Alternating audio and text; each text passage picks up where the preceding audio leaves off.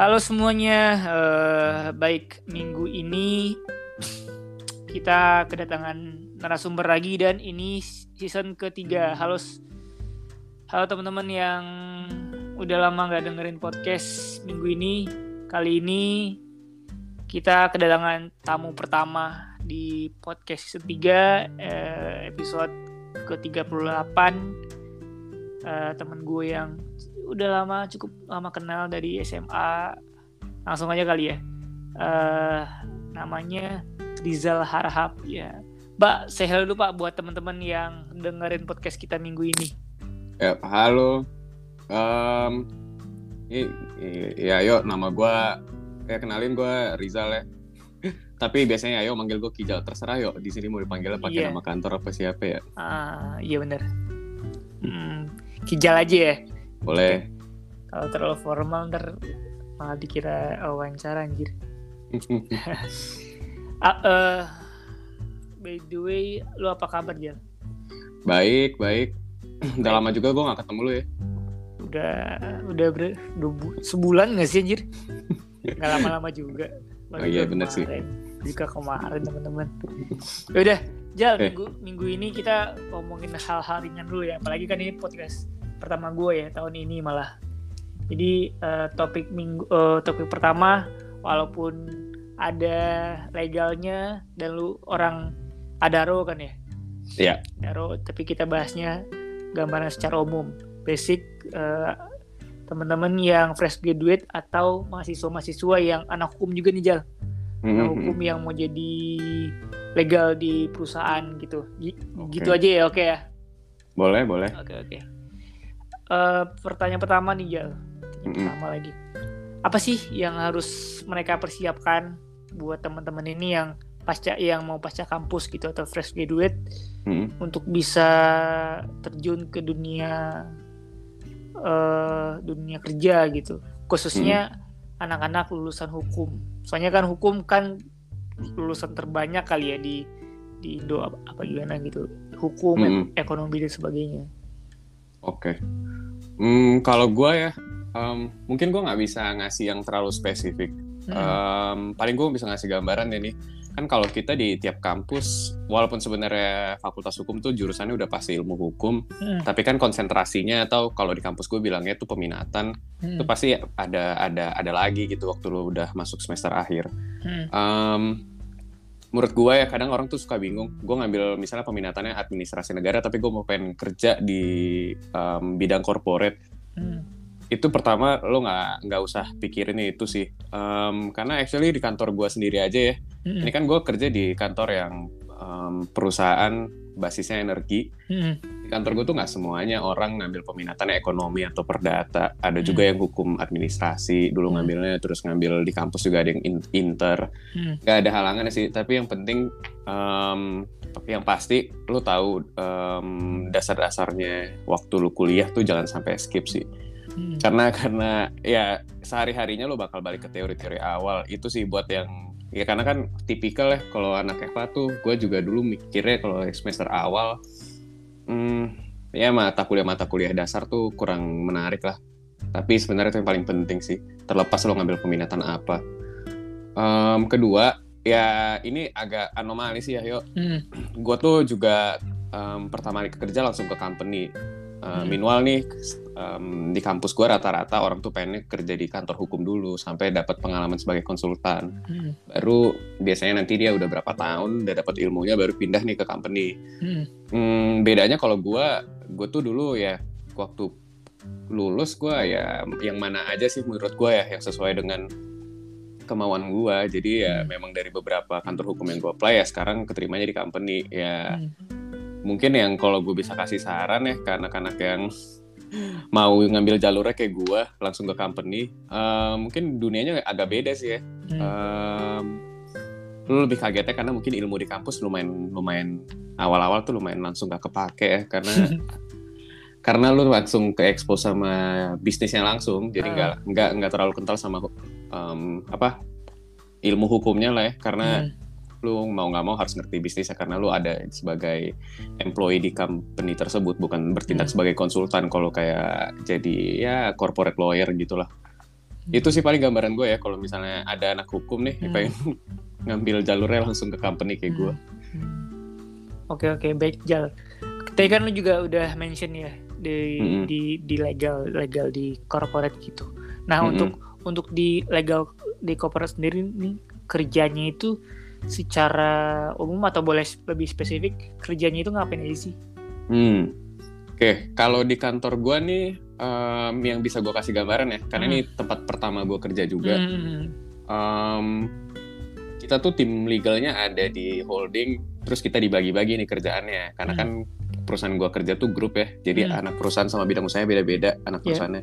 Hmm. Kita tuh dibagi-bagi. Nah, gue tuh emang nggak terlalu corporate karena em, anak perusahaan yang gue handle sekarang tuh anak-anak perusahaan yang bergerak di bidang eh, di bidangnya infrastruktur lah. Jadi Hmm. perusahaan water dengan power. Hmm. Jadi emang gue kerjanya tuh proyekan. Hmm.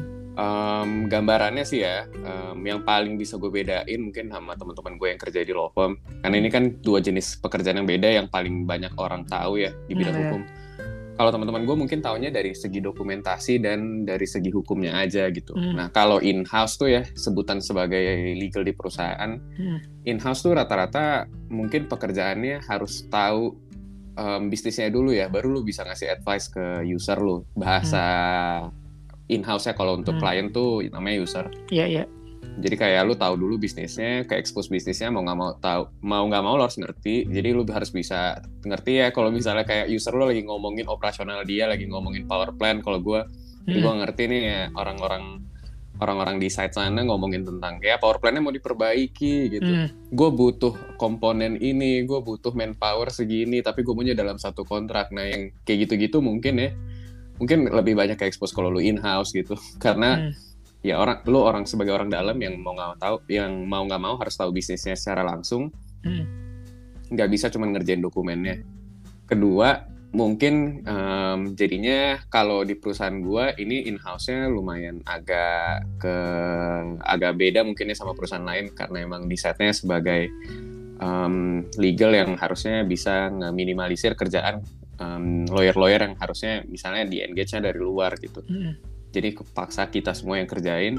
Hmm. ya be- mungkin jadinya kalau in house yang gue rasain sekarang em, udah ngerjain operasionalnya kontrak-kontrak ke- kecil yang cuman misalnya untuk pengadaan komponen spare part Em, tapi lu juga ngerjain proyekan misalnya em, untuk pembiayaan gitu pembiayaan proyek. Terus gue harus ngerjain juga kontraknya yang kontrak untuk konstruksi terus gue harus ngerti juga untuk kegiatan semua aspek yang ada di kegiatan bisnisnya si anak perusahaan ini gitu Hmm. jadi nggak jadi nggak transaksi per transaksi tapi semua transaksi jadinya ya harusnya in house gitu yang paling pertama tahu yang dibutuhkan tuh sama perusahaan apa ya emang Hmm. agak kayak campur sari lah ya kerja Iya iya sih benar. Iya benar. Apalagi lo ini juga kantor ka- kantor pertama kan ya. betul Jadi perlu banyak belajar lagi nggak sih? Banyak, banyak banget. ma- iya ba- banyak banget malah. Eh, terlepas dari itu kan ini kan kantor pertama Ta- tadi lu udah juga mention Mm-mm. juga eh, apa sih hal yang buat lu kaget eh, bekerja di corporate? Hmm. Hmm, kalau yang gue bikin kaget sih pertama em, ternyata yang gue pelajarin di kampus tuh em, masih kayak hampir seperempatnya dari yang mungkin ya seperempat bahkan lebih mungkin Hmm. lebih sedikit dari seperempat Hmm. yang harusnya bisa gue pahamin ya kalau kerja emang susah banget sih masalahnya kalau Hmm. lu tahu em, praktiknya langsung terus ya kadang kan kita harus tahu tahu praktik sama apa yang diisi undang-undang mungkin agak ada yang lebih detail ya kalau praktik Hmm. ya Hmm. Em, lumayan kaget sih karena mungkin kalau misalnya di kampus juga lu berpikirnya sebagai ini ya em, di bidang akademis gitu Iya benar. jadi ma- jadi pelajaran yang lu pelajari itu yang emang paling ideal gitu tapi di Hmm. prakteknya kan mungkin kadang lu harus juggling ya nggak sesuai teori gitu itu yang paling bikin gua kaget kalau pertama-tama sama actually gua kaget bahwa implementasi dari teori yang gue pelajari di kampus Hmm. em, tuh jauh lebih susah ketika waktu mempraktekannya dibandingkan waktu gue nulis itu di atas kertas waktu ujian gitu kan. Menjelaskan jawaban gue atas pertanyaan-pertanyaan di kampus ya emang agak tricky sih Hmm. dan emang yang gue pelajarin di kampus itu cuman dasar untuk gimana caranya gue nge-adjust apa yang gue pelajarin waktu gue ngelihat arrangement bisnisnya di lapangan Mm-mm. itu emang itu emang butuh jam terbang sih kalau gue aja yang baru dua tahun kerja rasanya susah sih yo Mm-mm. emang emang cari pengalaman tuh emang menurut gue susah itu yang bikin gue kaget kaget banget sebenarnya waktu pertama kali kerja berarti butuh ekstra ekstra eh, waktu lebih ya untuk untuk belajar lagi nggak sih Jal? Nggak belajar. betul Kan tadi kan juga bilang paling Hmm. se- seperempatnya Mm-mm. eh, implementasi yang ada di kantor. Terus yang lebihnya itu lu dapat dari mana? Belajar dari mana gitu? Atau dari mana? Oh, kalau di kantor tuh kebetulan ya kantor gue tuh nggak nggak ada senioritasnya sama sekali. Mm, Em, atasan yang gue dapet tuh em, sekarang juga mm, apa ya bagus banget ngetrainnya. mm, Jadi dia emang tahu em, seberapa jauh gue bisa mengerti suatu transaksi. Mungkin Hmm. dia ngelihatnya gue sebagai orang yang waktu itu baru lulus. mm, Sampai dengan dia ngasih biasanya ngasih konteks sih. Em, Hmm. Emang kalau anak hukum tuh kalau cuman tahu dari segi hukumnya kan susah ya. Iya Makanya benar. konteks bisnisnya dia jelasin Mm, itu emang dapetnya sih dari dari orang-orang kantor ya emang harus kolaboratif lah intinya Iya, iya. sama ya sama siapa pun yang lebih berpengalaman daripada lu gitu benar benar benar. Enaknya kerja di corporate apa sih kan banyak nih anak-anak muda yang gue mending kerja di corporate atau startup ya. Nah Iya. kalau udah ada udah ada sudut pandang di corporate menjal. Kalau da- dari Mhm. lu pribadi enaknya atau ya nyamannya kerja di corporate itu apa sih? Hmm, kalau di corporate tuh nyamannya mungkin ya kalau gue sekarang kerja di kantor yang lumayan well known kantornya ya Hmm. blue chip lah gitu Hmm, emang established banget. Em, enaknya mungkin kalau misalnya lu harus em, kerja di situ ya em, transaksinya jauh lebih bagus-bagus ya buat Hmm. pelajaran.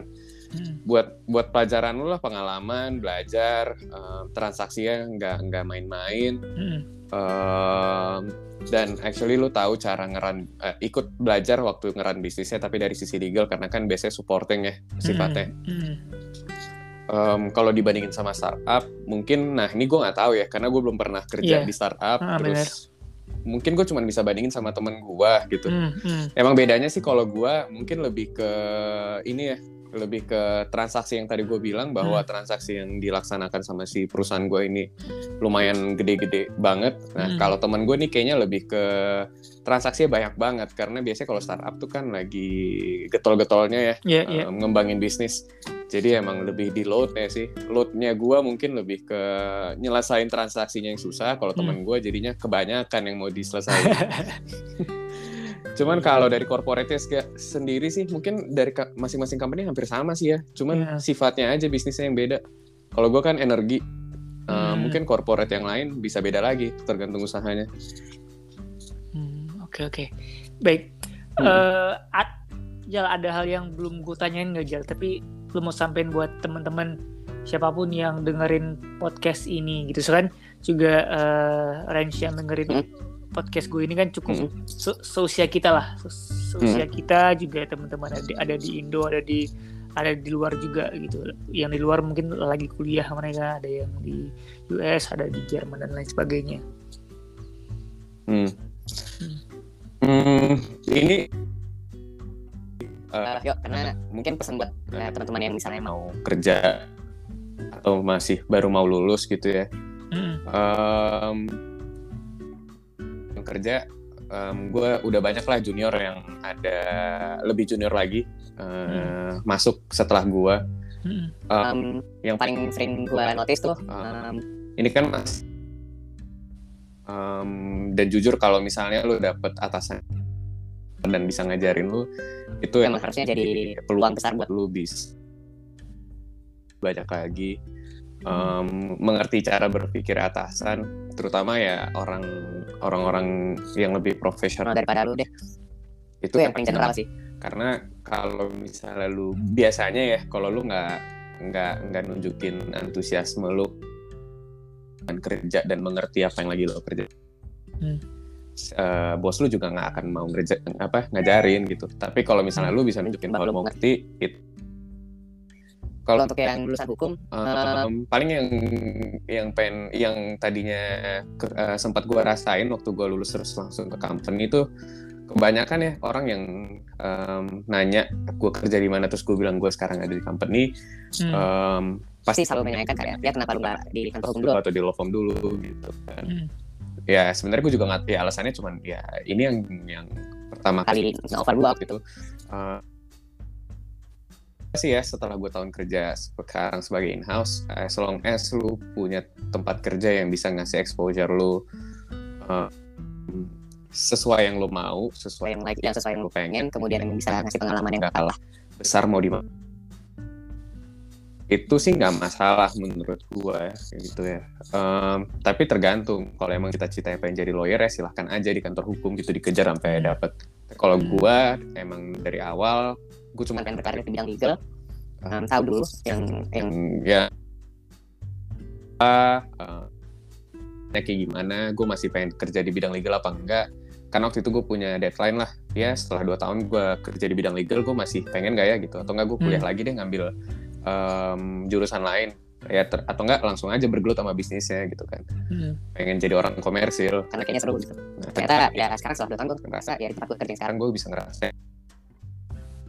Gue masih masih pengen deh explore hal yang lebih banyak gitu. di bidang terutama untuk mungkin nanti ya kalau mau S2 lagi ya itu nanti aja pas. Kalau gue ya mikirnya tapi terserah sih. Kalau gue Hmm. em, sama orang-orang yang misalnya udah pengen S2 gue rasa sih ketika lo kerja itu nanti lo masih akan bisa nemuin faktor di mana lo oh ya gue pengennya jadi ngambil S2 ini deh gitu. Hmm. karena Jadinya eh, ini menarik banget bidangnya gitu. Itu sih. General sampai waktu gue lulus pilihan gue kenapa langsung company terus perasaan gue ditanyain kayak gitu sebenarnya agak goyah. Hmm. mana gitu kan. Hmm. sampai gue sekarang di titik di mana gue ngerasa ya ya. Tempat gue yang kerja sekarang lumayan bisa dengan gue bahwa profesi yang sekarang gue jalanin itu profesi yang bagus gitu dan emang gue pengen minat gue sekarang tumbuh di sini gitu Oke, oke, oke. Jal next nih Jal. Mm-mm. Seandai- seandainya lu deng- eh, lu pribadi nih dengerin Mm-mm. podcast ini 10 tahun dari sekarang gitu. Apa sih yang mau lu sampein buat Kijal di usia 10 tahun dari sekarang?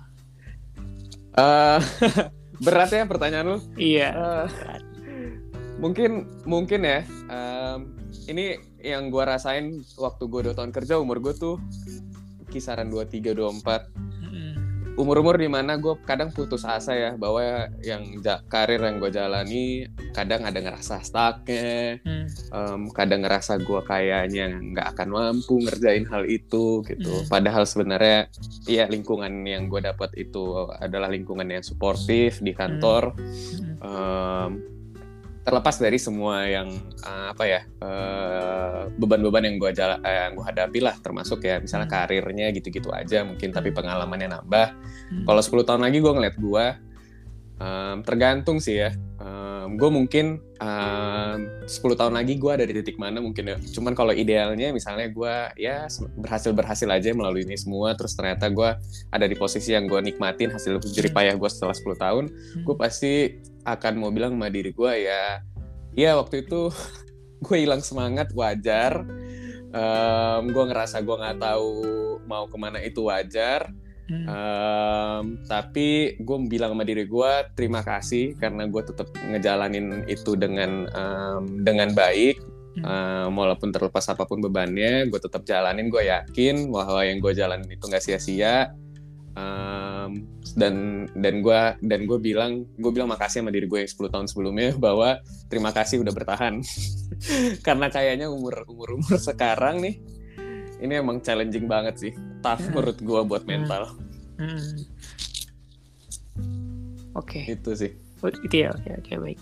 Ya ini kita udah Hmm. mau ke mau ke closing statement sebenarnya. Jadi juga podcast ini nggak nggak nggak terlalu panjang. Mm-mm. sebelum ke closing statement ad- ada nggak hal yang mau tanya ke gue Em, gue mau nanya ke lu sih oke silakan. Em, karena di luar sana tuh kalau gue ya mikirnya ya, Hmm. teman-teman gue tuh banyak yang ngatain eh, mengatakan seseorang tuh ambisius atau nggak ambisius. Tapi menurut lo ambisius tuh apa sih? Sejauh apa orang bisa dibilang ambisius? Ambisius. Eh, agak tricky sih jawaban gue sebenarnya. Karena gue banyak teman-teman gue bilang gue ambisius secara Hmm. umum gitu. Tapi gue nggak ngerasa gue ambisius. Karena kalau menurut gue eh, ambisius ya lu ngelakuin eh, punya effort untuk hal yang lu cintai gitu loh Hmm. itu ambisius yang menurut gue nor saya yang benar ya Iya, iya. Kayak kalau orang nyebut gue ambisius, ambisius gue pribadi, gue ngelakuin apa yang gue cintai, apa yang gue lak- lakuin, gue, gue kejar itu sampai sampai gue dapet gitu. Dan lu juga Setuju. tahu gue uh, struggle di Jakarta kayak gimana, gue apply sana sini dengan posisi yang selalu itu aja gitu. Posisi yang emang gue pengen belajar di sana, Hmm. eh dan gue nggak nggak ambisius itu nggak ada waktu buat ngeluh Hmm. nggak ada waktu untuk untuk bukan nggak ada waktu untuk ngeluh ya kalau ngeluh ya wajar manusiawi gitu tapi nggak ada waktu untuk yang nge- ngeluh berlarut-larut sedih berlarut-larut ya sedih malam ini besok gue mulai lagi cari lowongan. Malam ini gue kayak gue kerjaan gue kok gini ya? Kok banyak banget ya? Perasaan eh job desknya ini ini ini gitu kok nambah nambah ke sini ke sini gitu. Yang awalnya itu. Tapi kalau misalkan dari awalnya udah nyaman nyaman dan tahu tujuannya itu apa itu definisi dan nggak mandang orang lain sebagai patokan. Itu ambisius yang yang dari sudut pandang gue ya ambisius itu tentang diri gue pribadi dan apa yang mau gue capai. Bukan diri gue dan orang lain yang ingin gue langkahi gitu. Kok kasarnya gue mau langkahin lo deh. Gue Hmm. mau lebih sukses daripada Kijal gitu. Itu bukan ambisius yang ada di perspektif gue secara pribadi. Itu sih Jal. Mantap. Gue setuju sih sama lo. ada lagi nggak pak? Yang ini jadi gue ngomong serius ya padahal yang mau digali-gali kan bapak Eh nggak apa-apa kan Iya, gue iya. pengen tahu. oke oke ya kan? ada lagi nggak Enggak sih, gue tadi nanya tentang ambisius karena emang kenapa Hmm, kayaknya saat sebenarnya ya gue cuma pengen bilang kalau sekarang kalau ini teman-teman yang bakal dengerin podcastnya Ayo terus Hmm, dianggap ambisius sama lingkungannya, hmm, menurut gue tetap digas aja sih. hmm. Bodoh amat sih orang bilang apa karena ya ambisius buat lu diri diri lo juga gitu kan. Bener, lo akan bener. ngandalin diri lo sendiri nanti di masa depan. Iya benar iya kita nggak bisa ngandelin orang lain Betul. yang bisa lo andelin ini di- diri lu sendiri dah Yo, itu sih yuk pertanyaan gue cuma satu itu doang. nggak ada yang kedua gitu Nanti jadi curhat, nanti Ya. hate speech gue. oh iya sih bener nggak ada nggak ada kata-kata kotor dari tadi. Enggak lah, ter ya. lu nyensornya susah. Enggak, enggak sensor dong. Semuanya di babat habis. Ya udah deh, kita ke Nah. closing eh, ke closing statement ya, Pak ya. Ini Ya, Udah udah podcast yang ke terakhirnya. Oke, se- eh, silakan untuk eh, Kijal untuk closing statementnya dipersilakan. ya. Hmm, buat closing statement gua em, yang gue bisa sampein mungkin ter- terkait dengan ini ya em, karir em, memulai hidup baru ya setelah kayak setelah fase di mana lu kuliah lulus Em, sulit sih emang sulit banget nyari kerja itu susah. Em, bahkan untuk mempertahankan pekerjaan lu itu juga susah. Hmm, itu pasti semua butuh proses dan juga per- eh, per- peruntungan lu lah diuji.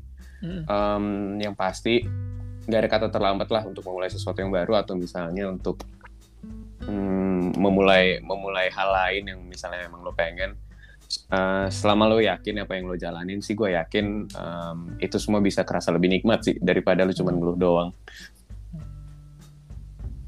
itu sih Gitu ya, oke. Baik, eh, sekali lagi thank you Jal. Udah mau mampir ke podcast gue perdana lagi untuk season ketiga ini. Gue todong tiba-tiba ya. Ya, eh suatu apa namanya eh, Kenapa? it's such a pleasure yuk bisa membuka tahun di podcast lo Wih, ya kan ya kan tadi Iya, kan bener sih. terakhir udah pertengahan tahun lalu ya iya udah lama banget sih asli. Iya setelah itu, iya cukup lama dari tahun kemarin udah. Setelah itu kan gue kayak monolog-monolog aja kan, ya aja sendiri aja gitu. Yang kalau ini kan butuh riset sebenarnya, Bu- butuh riset. Gue mau ngomongin apa, orangnya siapa, Tapi untuk khusus buat lu pribadi, gue nggak terlalu riset karena kita udah ada omongan di awal kan. ini kalau gue riset ini bisa lebih ba- lebih banyak sebenarnya pak. Jangan. Makanya. jangan. bahaya. Iya bahaya makanya gue tipis-tipis saja. Thank you Jajal ya udah Ya. udah mau ya. Sorry kalau misalkan ada kata-kata gue yang tidak di tempatnya asik. Formal sekali saya. Thank you juga Tio udah diundang. Oke siap. Oke.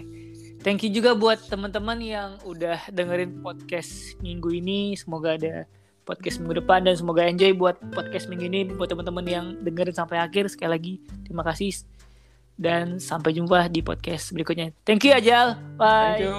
Bye.